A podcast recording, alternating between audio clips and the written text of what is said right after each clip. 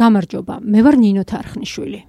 იმ ამბავზე მინდა ვილაპარაკო დღეს, რომელიც რამდენიმე დღის წინ მოხდა და რომლის შესახებაც ბევრმა გაიგო, ბევრმა გადააქნია სინანული თავი, რაღაც ბევრი კითხვა გაჩნდა, სიუჟეტებიც მომზადდა, სტატიებიც დაიწერა, მეც დავწერე ვრცელი სტატია ამ ამბავზე. მოკლედ საქმე ეხება პატარა გოგოს სიკვდილს. 15 წლის თეკლას ამბავს.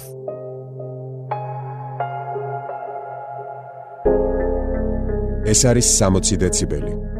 ადამიანური სალაპარაკო ენით მოთხრობილი მნიშვნელოვანი ამბები. 60 დეციბელი. ტრიატი დღე, აი ზუსტად ასეთი დღე იყო 17 ოქტომბერს ხაშურში რომ ჩავედით უაზროდ რომ ცრის არც წვიმის არც უმაგისობა ერთადერთი 8 სართულიანი დგას მთელ ქალაქში, ადვილად მიაგნებთო, ასე დაგვაყვალიანეს თბილისიდან რომ წავედით მე და ფოტოგრაფი.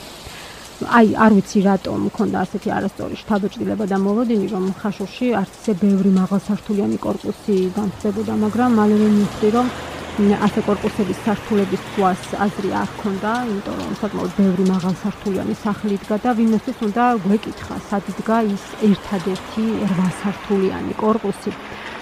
რომლის ძირში 15 ოქტომბერს გარდაცვლილი ნახეს მეზობლებმა 15 წლის თეკლა.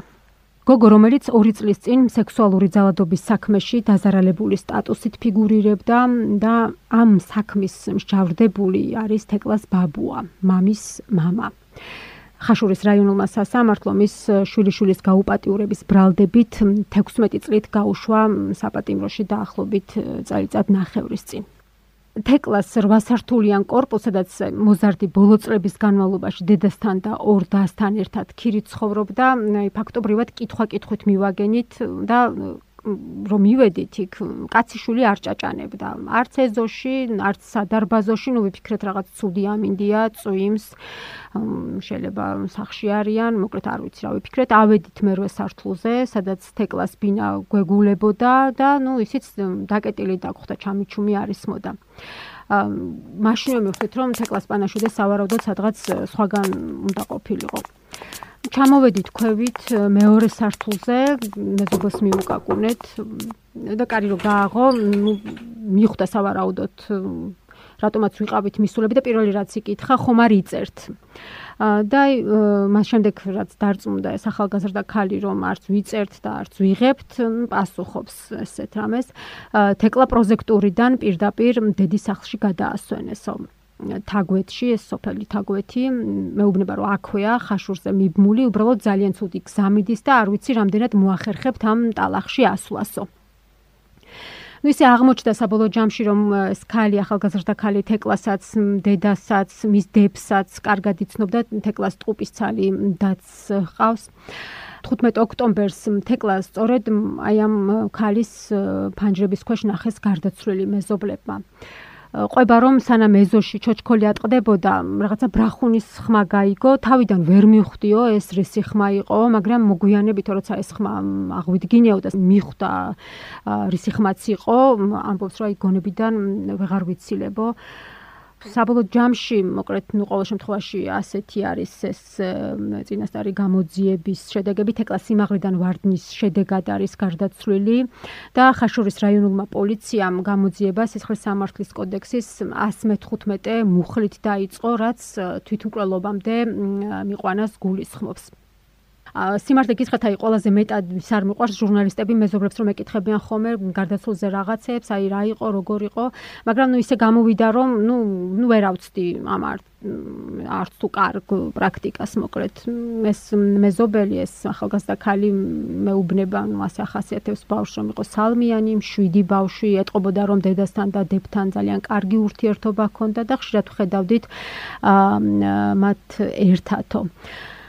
Ну საბოლოოდ აღმოჩნდა ისიც რომ მეზობლებმა ისიც იცოდნენ რომ ორი წლის წინ თეკლა სექსუალური ძალადობის საქმეში დაზარალებულის სტატუსით ფიგურირებდა და ისევ ეს მეზობელი მეუბნება რომ აი მას შემდეგო რაც გავიგეთო ეს ამბავიო ვცდილობდიო რომ უფრო თბილად მოვყრობოდიო მას რომ რაღაცნაირად თითქოს ასე გამოვხატავდი ჩემს თანადგომასო მოკლედ საბოლოო ჯამში ამ ხაშურის ერთადერთ 8 სართულიან корпуს გადაუღეთ ფოტოები და სანამ სოფელ თაგვეთისკენ, ანუ სადაც თეკლა იყო დასვენებული, წავიდოდით, გზად თეკლას სკოლაში შესვლა შეევლა და დირექტორთან დალაპარაკება გადავწყვიტეთ. აა ხაშურის პირველ საჯარო სკოლაში სწავლობდა თეკლა და ეს სკოლა ხაშურის პარკის ცენტრალური პარკის გვერდით დგას, ასე მიგვასწავლეს სკოლის მისამართიც. 12 საათი ხდებოდა იქ რომ მივედით.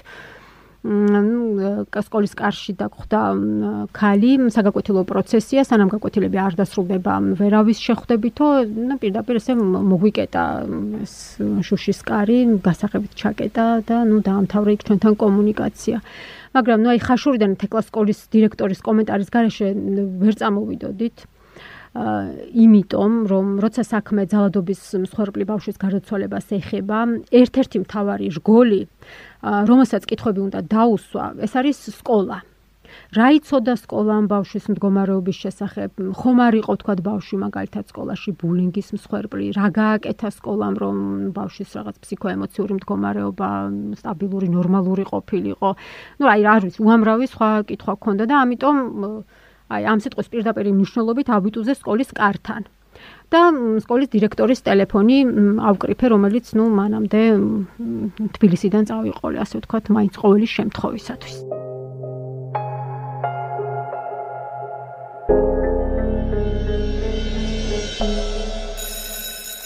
კართან მდგავარ სკოლის კართან და არ მიშვებენ და ხა მესმის ჩამოსულები ვართ თბილისი.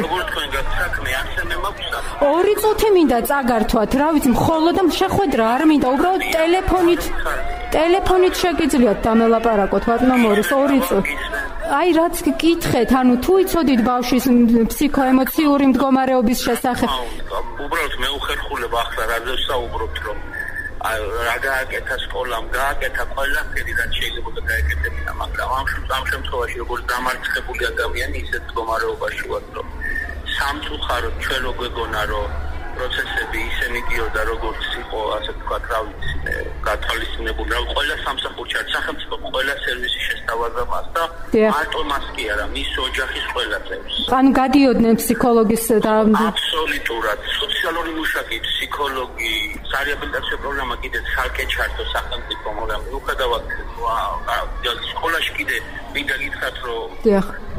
ფსიქოლოგი ეუბნებოდა რომ მე და ფსიქოლოგი ვიყავით ერთ პოზიციაზე რომ ეს ბავშვი მოსულიყო სკოლაში იმიტომ რომ უჩევდნენ რომ წაეყვანათ. და ჩვენი დაჟინებული მოთხოვნით მოვიყვანეთ სკოლაში ბავშვი დისტანციურ პერიოდში ერთი წელი ამ ბავშვს არ უღრია სკოლა ონლაინ იყო და დისტანციურად და მე გამოვიყვანეთ რომ ადაპტირებული იყო სხვადასხვა პროცესებში ჩართული იყო და აი არ ვიცი. ვერ გეტყვით რა ტიპის შრომ მაგრამ ეს არის ტრაგედია რომ აი ამებს რო აკეთებ და გონია რომ შედეგიანია და მთავრდება ამ გრაფიკს. ბატონო მორისტა, აი წელს დადიოდა ეს ახალი სასწავლო წელი რაც დაიწყო, ჩვეულებრივად ესწრებოდა.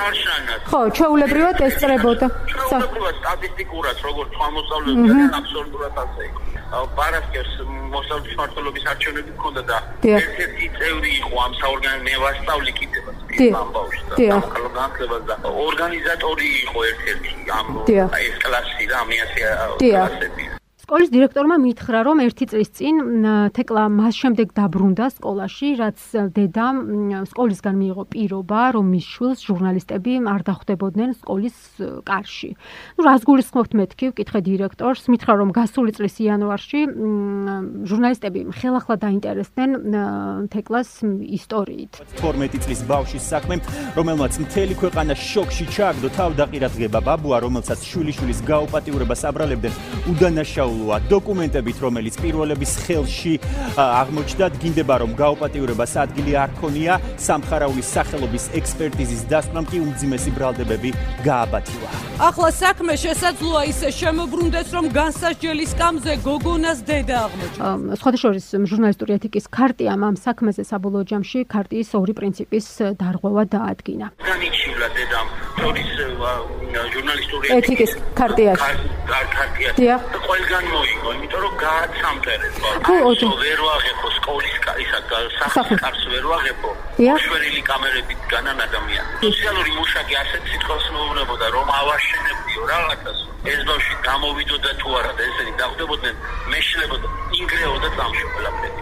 მოსავლის საუკეთესო ინტერესზე არ ზრუნავდა არავინ. დედამისმა რომ ითქა პირობით რომ მოიყვანა, რომ ითქა რომ თუ კი ამასთან უზრუნველყოფთო მე ამ შემთხვევაში მოვიყვან ბავშვო მე დავკვიდი რომ რა თქვა მე უთხარი რა არ არსებობს რომ ის ქენით რომ აქამდე მოიყვანოთ და მე მე ვარ ფასოდი. ჩემი თავი რომ ეს ბავშვი იქნება დაცული ეს პირობა შევასრულე 15 წლის თეკლას გარდაცვალების საქმე არ არის საქმე, რომელზეც მაგალითად სამართალდამცავები, ბავშვებს ზრუნვის სააგენტო, სკოლა, ანუ სისტემა, სახელმწიფო იტყვის, რომ აი არაფერი იცოდნენ წარსულში ბავშვის მიმართ ჩადენილი დანაშაულის შესახებ და შედეგი, რომელიც 15 ოქტომბრის საღამოს დადგა, მათთვის ესე ცაძე მეხის გავარდნასავით იყო.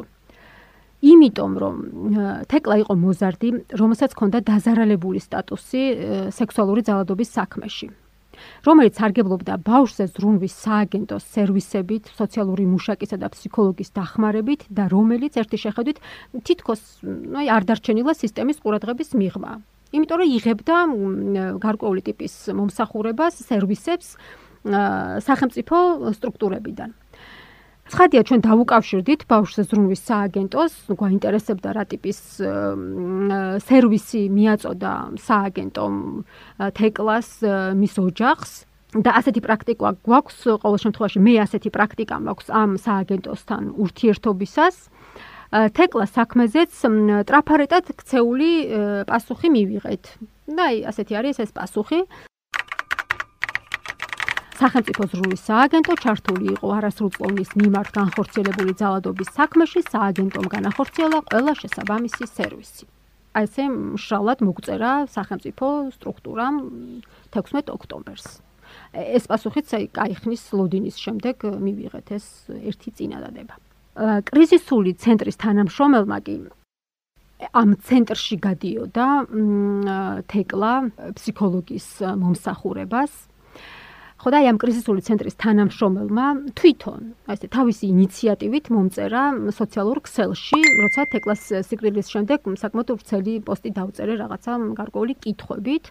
და როგორც ჩანს, არ ვიცი, ჩათვალა მან რომ მოეწერა ჩემთვის და აეხსნა რა იყო და როგორ იყო თეკლასთან დაკავშირებით და აი ასეთი რამ მომწერა რომ ბავშვმა ძალადობის მსხვერპლი ბავშვებისთვის ფსიქოლოგიურ სოციალური მომსახურების ცენტრში რეაბილიტაციის ორი კურსი გაიარა და ცენტრი სტაბილური მდგომარეობით დატოვა.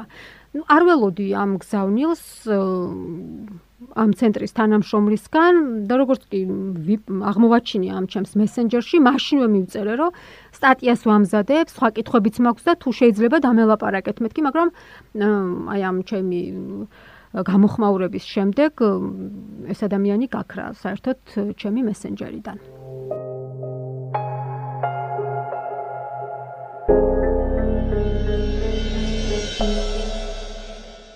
ახლა სოფელ თაგვეთის გზას უნდა დავადგეთ, სადაც 15 წლის თეკლა იყო დასვენებული ბებია ბაბუის სახლში დედის მშობლების. და ამ სოფლისკენ მიმავალი გზა არ აღმოჩნდა მარტივი. თანცრიდა, სქელი ტალახი იყო ამ ეგრეთ წოდებულ გზაზე, სამანქანე გზაზე, მანქანა ცურავდა. იქით კიდევ მტყარზე გადებული ხის ხიდი უნდა გადაგელოდა, ასე ვთქვათ, უსაფრთხოდაც არ გამოიყურებოდა ეს ერთი შეხედვით, მაგრამ სიმართლე თუ გინდათ, ეს არ იყო მიზეზი, რის გამოც ამ გზის გავლა არც ჩემთვის და არც ფოტოგრაფისტვის არ იყო მარტივი. იმიტომ რომ ვიცოდით რომ მიდოდით სოფელში სადაც ახლა დედა 15 წლის თეკლას გლოვობდა. და ისიც ვიცოდით რომ ოჯახში ჟურნალისტების დანახვა წარსული გამოცდილების ფონზე ნამდვილად არავის ესიამოვნებოდა ეს ესე მსუბუქად თუ ვიტყვით ამიტომ გზაშივე შევთანხმდით რომ იქ მივიდოდით არა როგორც ჟურნალისტები არამედ ადამიანები რომლებმაც ოჯახს უნდა მიუსამძიმრონ ესოში კანტიკ უნდა დიდგა ხალხი უფრო ზუსტად კაცები იდნენ მანქანაში იჯდა პატარა გოგო და აი მაშინვე მიიქცია რაღაცნაირად ჩემი ყურადღება თავი ქონდა მიდებული სავარძელზე და იყურებოდა თითქოს არსაით რაღაცა გამჭირვალე მზერა ქონდა და მოგვიანებით მივხვდი რომ თეკლას უმცროსი დაიყო რომელიც ვერ შედიოდა იმ ოთახში სადაც თეკლა იყო დასვენებული ამ კარში როგორც კი შევდგი ფეხი, მაშინვე მეცა ერთმანეთში არეული ყვავილებისა და გულის წვეთების სუნი, ესე ქვია ხო, ალბათ ეს გულის წვეთები. და ნუ აი პრინციპში იმ სიტუაციის აღწერას რაც იქ ხდებოდა, არ აქვს აზრი, იმიტომ რომ ყველა სიტყვა თუ ფრაზა ბანალური იქნება ნამდვილად და ამ ну, არ ვიცი, ესეთ სიტუაციებში რაღაცნაირად ხდება ხოლმე, რომ თვალი გაგექცევა ჩასასვენებლისკენ და იწვა გოგო როგორც მძინარე რაღაცნაირად. და მის თავთან გადიდებულ ფოტოს შევხედე, ცისფერი კაბა ნაცვია ამ ფოტოზე და მგონი რაღაცნაირად ასე რაც ჩამრჩა მეხსიერებაში ვერცხლისფერი თმის სამაგრი უკეთია და იცინის.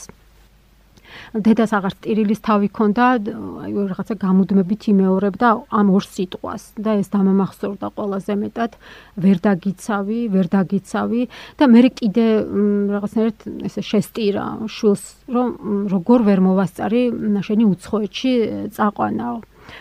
თეკლას მშობლები განქორწინებულები არიან და როგორც აღმოჩნდა ბოლო ერთი წლის განმავლობაში ქალი ცდილობდა რომ ყოფილი ქმრისგან მიიღო უფლება რომ შულები უცხოეთში წაეყვანა საცხოვრებლად მაგრამ კაცმა ეს თანხმობა ქალს არ მისცა და ეს ინფორმაცია მოგვიანებით დაგვიდასტურა ადვოკატმა ზურაბ თოდუამაც ის თეკლას მსჯავრდებული ბაბუის ინტერესების დამცველია და ინტენსიური კომუნიკაცია აქვს ამ ბაბუის შულთანაც ანუ თეკლას მამასთანაც და შეგვიძლია მოვისმინოთ ჩანაწერი რომელს ტელეფონით ვესაუბრე მას და ესე ხსნის თუ რატომ არ მისცა მამამ შვილებს უცხოეთში წასვლის შესაძლებლობა, ანუ ყოფილ ცოლს არ მისცა იმის უფლება, რომ შვილები წაეყვანა საზღვარგარეთ და ნუ როგორც ჩანს, კალი ცდილობდა რომ გაეცილებინა ამ სიტუაციიდან შვილები. ამის პოზიცია ასეთი იყო, მე მაქვს ეს ინფორმაცია, მას მიმართეს ამ ამ კუთხით ყოფილმა მეუღლემ დაურეკა და თქვა რომ თქვა მიეცანება თქვა ბავშვების გაყვანაზე საზღვარგარეთ. მამამ კატეგორიული უარი განუცხადა, რამე თუ მამისთვის თქვა თუ სად მიხავს რა გინდა უცხოეთში ვინ ხავს იქ სად მიდიხარ რა რა ვიცი რა გაზრახვა გაქვს შენ და არ უარი ну адвокат რა თქმა უნდა ისიც ვკითხე ხომ არ ქონია მამას მცდელობა რომ თეკლაზე ფსიქოლოგიური გავლენა მოეხდინა, მაგალითად, რა ვიცი, ხო არ ემუქრებოდა, რადგან ეს კაცი, როგორც ამ ადვოკატმა მითხრა, დარწმუნებულია, რომ მამამის მისი შვილის მიმართ არანაირი სექსუალური ძალადობა არ ჩაუდენია და ეს საქმე ამჯერად უზენაეს სასამართლოშიც არის გაგზავნილი. ადვოკატმა მითხრა, რომ მამას შვილებთან კომუნიკაცია არ ჰქონდა, რადგან ბავშვებს მისი ტელეფონი დაბლოკილი ჰქონდათ და ის არც შვილის სამძიმარზე არ მიუშვეს და მგონი ყველანაირად გამორიცხა რაღაცა ესეთი მამის მხრიდან რაიმე ზეწოლის ფაქტი. არანაირი კომუნიკაცია ბავშვთან არ ყოფილა. თვითონ აი მამასაც კი და მამაც კი დაბლოკეს ტელეფონზე ბავშვებმა დედის ზეგავლენით. ამ თელი ამ ფრის განმავლობაში მამას არანაირი მცდელობა არ ქონია, რომ ან დაკავ. მცდელობა როგორ არა, მაგრამ არ არ არ არ არ აკავშირებდნენ. გამორთული ქონდა, თუმცა დაბლოკილი ქონდა ტელეფონი და მუდმივ ჩხუბი და უბედურ თავდება, ამიტომ არ არ წაწუხებდა კიდევ. სამწუხაროდ თეკლა არ არის ის გამონაკლისი, რომლის მიმართაც განხორციელდა სექსუალური ან სხვა ტიპის ძალადობა და რომლის შესახებაც პრინციპში ყველამ ყველაფერი იცოდა. მათ შორის პოლიციამ, სოციალურმა სამსახურმა, სკოლამ, მაგრამ საბოლოო ჯამში ბავშვი მაინც ვერავინ დაიცვა სიკვდილისაგან.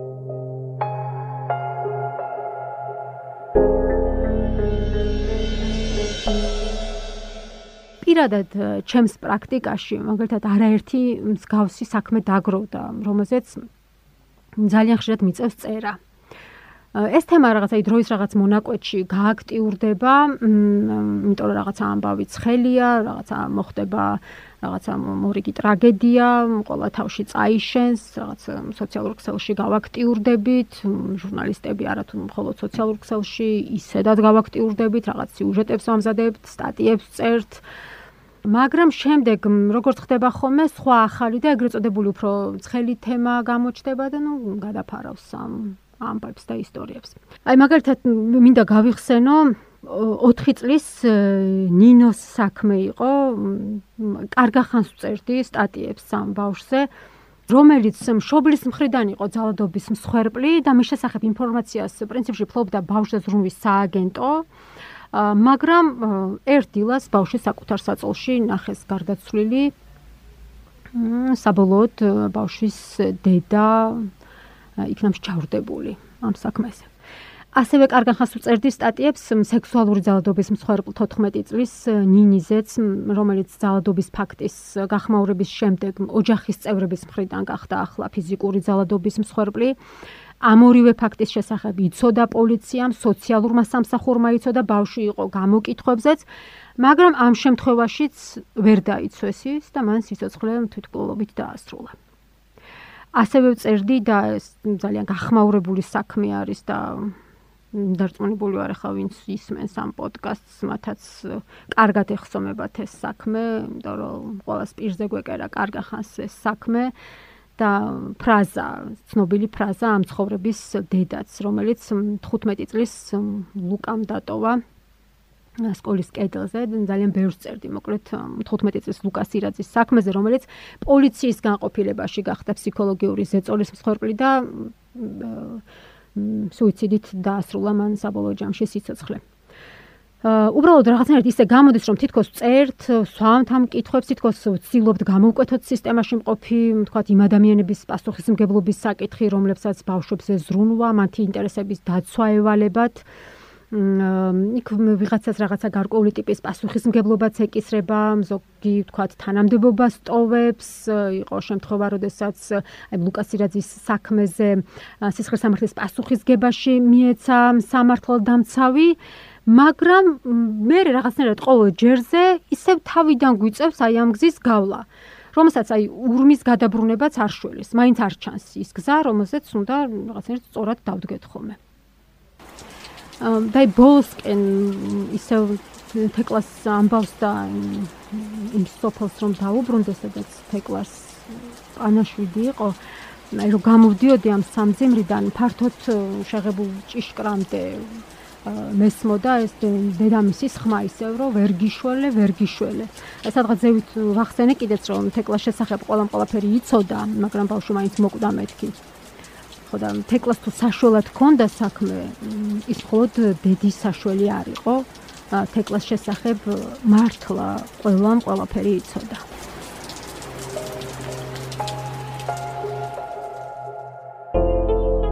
თქვენ მოისმინეთ რადიო თავისუფლების პოდკასტი რომელსაც უძღვებიან ნასტასია არაბული ნინო თარხნიშვილი და ეკა ქევანიშვილი თუ მოგეწონათ თხოვნა ის ხვებსაც გაუზიაროთ და ხუთი ვარსკვლავი დაუწეროთ Apple Podcast-ზე ან სხვაგან, სადაც ისმენთ პოდკასტებს. 60 დეციბელი